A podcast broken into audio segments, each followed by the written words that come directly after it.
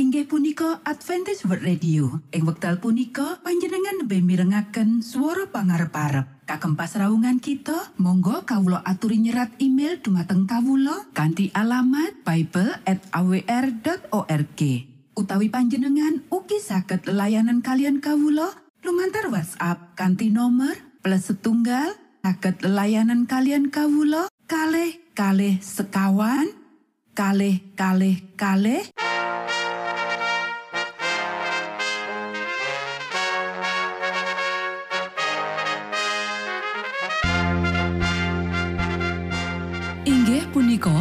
Adventist World Radio ingkang giaran kanthi basa Jawi. Tentrem Rahayu kula aturaken kagem para mitra kinasih ing pundi papan lan panggonan. Sugeng pepanggian malih kalian Adventist World Radio. Kanti bingahing manah Kulo badhe sesarengan kalian para mitra kinasih lumantar saperangan adicara ingkang sampun rinonci mligi kagem panjenengan sami. Mugi giaran punika saged migunani tuwin dados berkah kagem kita sedaya. Sugeng midhangetaken Gusti amberkahi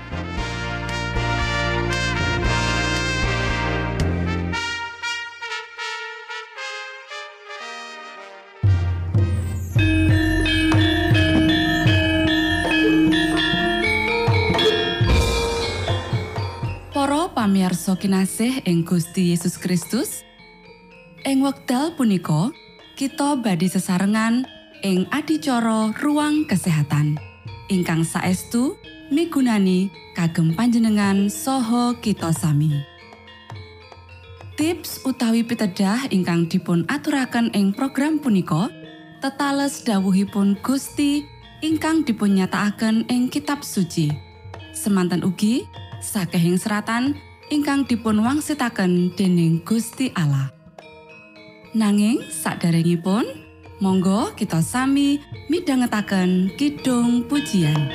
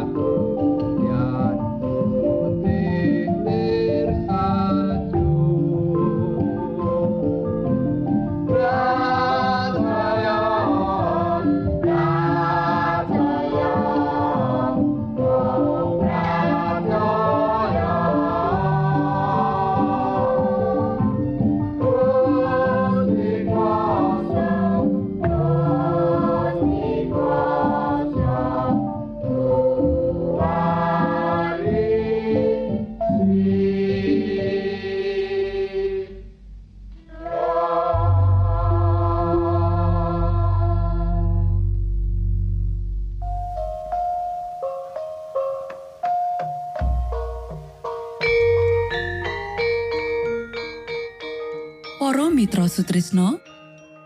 Puji syukur dumateng Gusti ingkang murbeng dumati ingkang sampun kepareng paring wewenngan kagem kita. Satemah saged nglajengaken ruang kesehatan. Pirembakan kita semangke kanthi irah-irahan. Ngabekti ing sakjroning kuil selera sing salah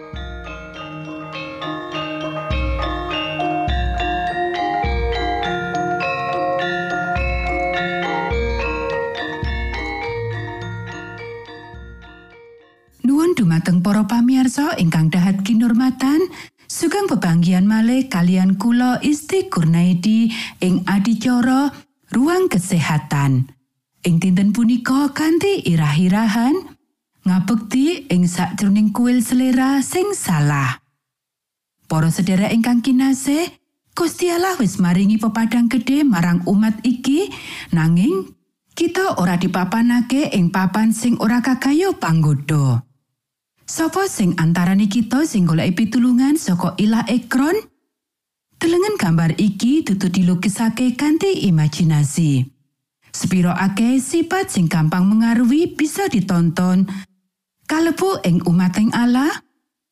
Sawijining wong nandang cacat katone sadar banget nanging diapusi dening perasaan cukup nganti bebas ngino angger-angger kesehatan lan pepakon urip. Sing kanthi kemurahan ilahi wis ngirit kita dadi sawijining umat kanggo nampa iku.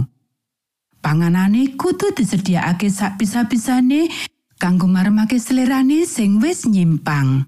Tinimbang lungguh ing meja nedha sing disuguhake panganan sehat, dheweke milih restoran amarga ing kono dheweke bisa manjakake selera tanpa wates. Sawijining pemilo pertarakan sing wasis, dheweke ora ngurmati landesan prinsip-prinsip kasebut. Dheweke pengin uwal nanging nampik kanggo ngentuki iku kanthi rega penyingkuran diri. Wong iki ngabekti sakjroning kuil selera sing salah. Dheweke sawijining panyembah brahala. Kuoso sing disucikake lan didhuwurake sing kudu digunakake kanggo ngurmati Gusti Allah, diringkehake banjur dipasrahake marang pelatosan sing enteng. Sifat sing gampang kesinggung, pikiran sing kacau, syaraf sing tegang, kabeh ya iku akibat saka panerak angger-angger alam. Dheweke ora efisien sakjroning pakaryan lan ora bisa dipercaya. Para sedherek ingkang kinasih, ing ora-ora samun pacoban, Sang Kristus ngadepi pacoban gedhe sing bisa ngalahake manungsa. Ing kono panjenengane berjuang lan ijen panjenengane nglawan mungso sing licik lan nepsu lan mungso iku dikalahake. Pacupan gede sing sepisan ngenani selera. Pacupan kaping pindo kekayutan karo rasa gumunggung. Pacupan kaping telu kekayutan karo tresno marang katonyan. Setan wis ngalahake mayuta-yuta wong kanthi nggodha dheweke kanggo manjakake selera. Lumantar marmake cita rasa susunan syaraf bakal kerangsang lan kuasa otak bakal diringkehake. Nganti wong mokal bisa mikir kanthi tenang ada dasar rasio. Pikiran iku ora seimbang. Pikiran sing mulya karo sing luwih dhuwur keplinger kanggo nglateni nepsu kewan. Lan kepinginan langgeng sing suci ora diajeni. Menawa iki dicupuk setan bisa nyerang kanthi loro woh panggoda liyane sing wis diwenehake. Panggodane sing matikel-tikel iku tuwa saka katelu inti pacoban iki. Para sederek saka kabeh piwulang sing bisa disinaoni saka panggoda gedhe sing diadepi dening Gusti Yesus, ora ana sing luwih wigati katimbang tetep nahan lan ngendhaleni selera sarta nepsu. Ing kabeh jaman, Panggoda sing kekayutan fisik kasil banget sakjroning mudhunake lan ngrusakake umat manungsa. Kanthi pakulinan ora tarak, Epes makaryo kanggo nyirnakake kekuatan mental lan moral sing wis diparingake dening Gusti Allah marang manungsa minangka kanugrahan sing tanpa wates ajine. Kanthi mangkono, mokal kanggo dheweke kanggo ngajeni perkara-perkara sing duwe aji langgeng. Kanthi pemanjaan nepsu, setan budidaya ngrendeti jiwa supaya ora padha karo Gusti Allah.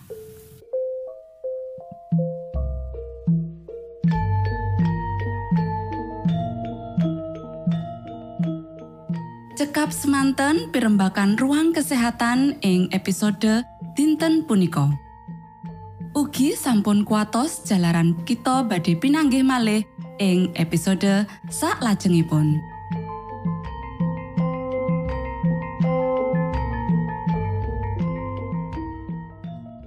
Inggih punika adicara ruang kesehatan. Menawi panjenengan gadah pitakenan utawi ngersakaken katrangan ingkang langkung, monggo kula aturi kinton email dateng alamat ejcawr@ gmail.com utawi lumantar WhatsApp kanti nomor 025 pitu 00 songo songo papat 00 pitu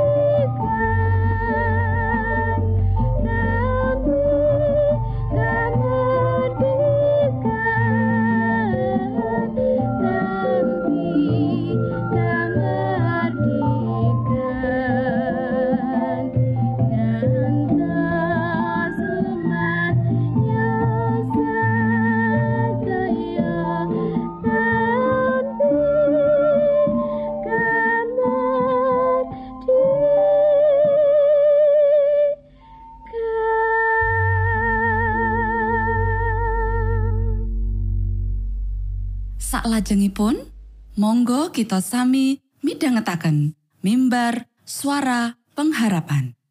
Angkat nafiri kanti pawarto Sang Kristus paderamu.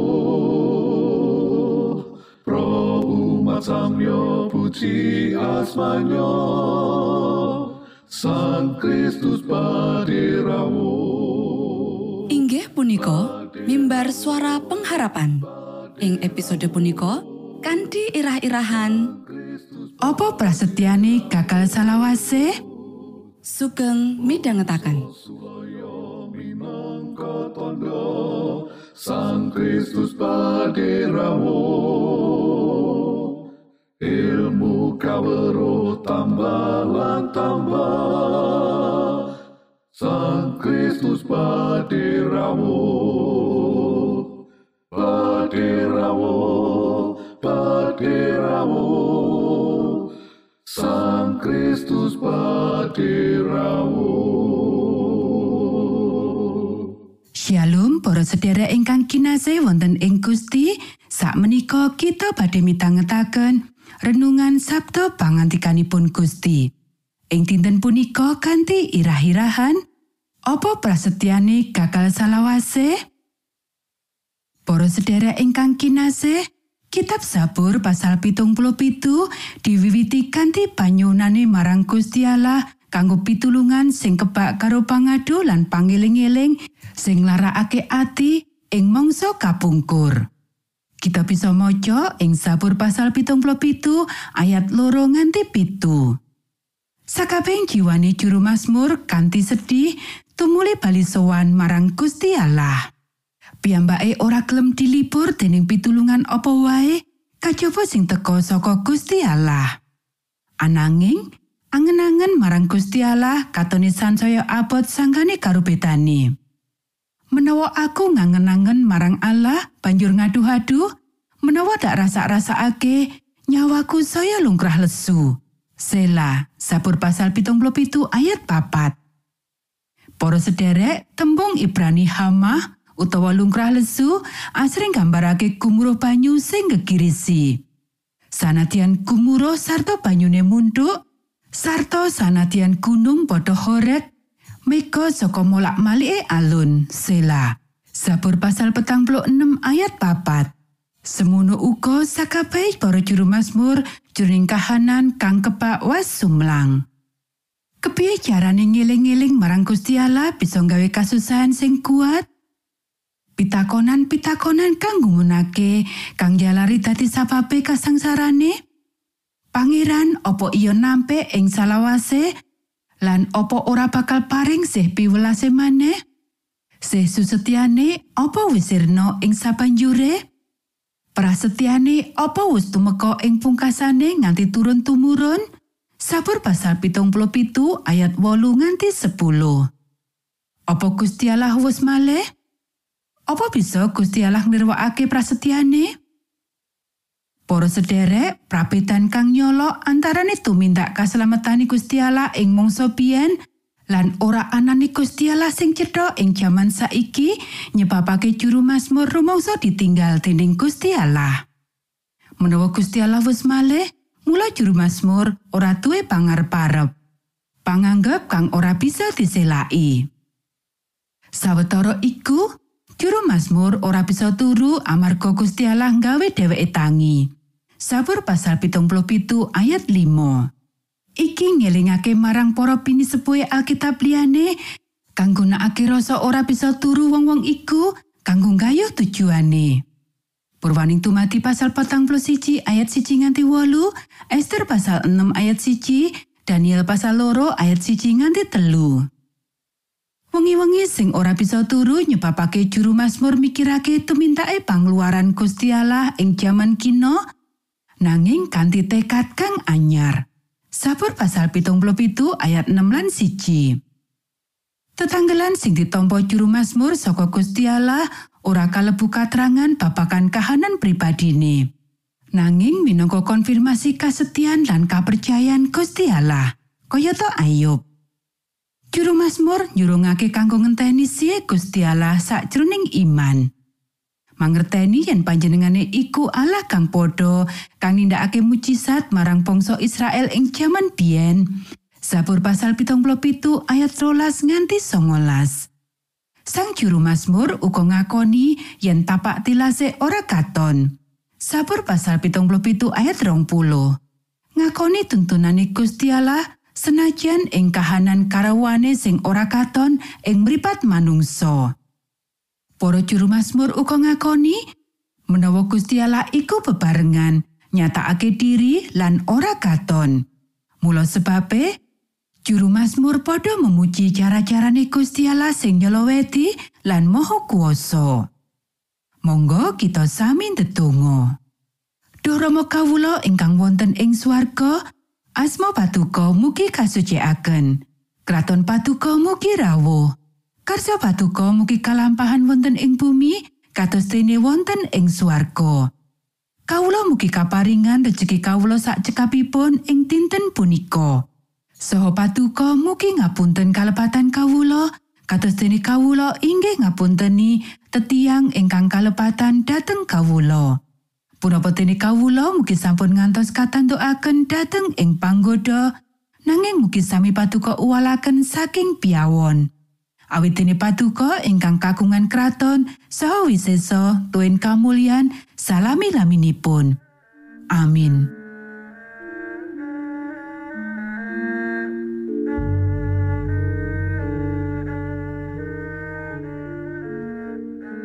Para Mitra Sutrisno pamiarsa kinasih ing Gusti Yesus Kristus sampun paripurno pasamuan kita ing dinten punika menawi panjenengan gadah pitakenan utawi ngersaakan seri pelajaran Alkitab suara nubuatan Monggo Kulo aturi kinton email dateng alamat ejcawr gmail.com utawi lumantar WhatsApp kanti nomor 025 pitu 00 songo songo papat 00 pitu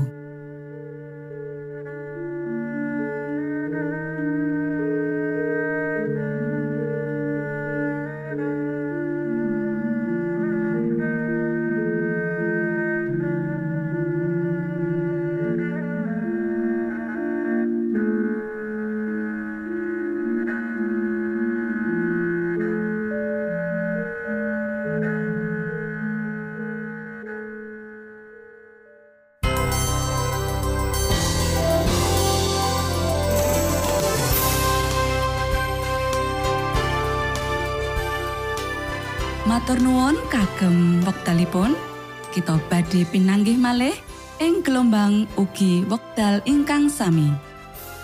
Saking studio kula ngaturaken tentrem rahayu. Gusti amberkahi kita sedaya. Maranata.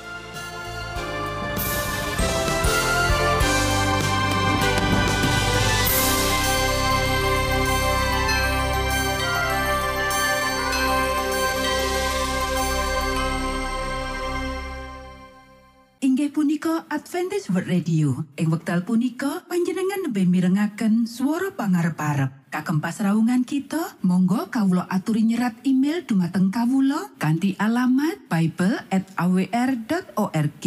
Utawi panjenengan ugi saged layanan kalian kawula lumantar WhatsApp kanthi nomor plus setunggal saged layanan kalian kawula kalih kalih sekawan kalih kalih kalih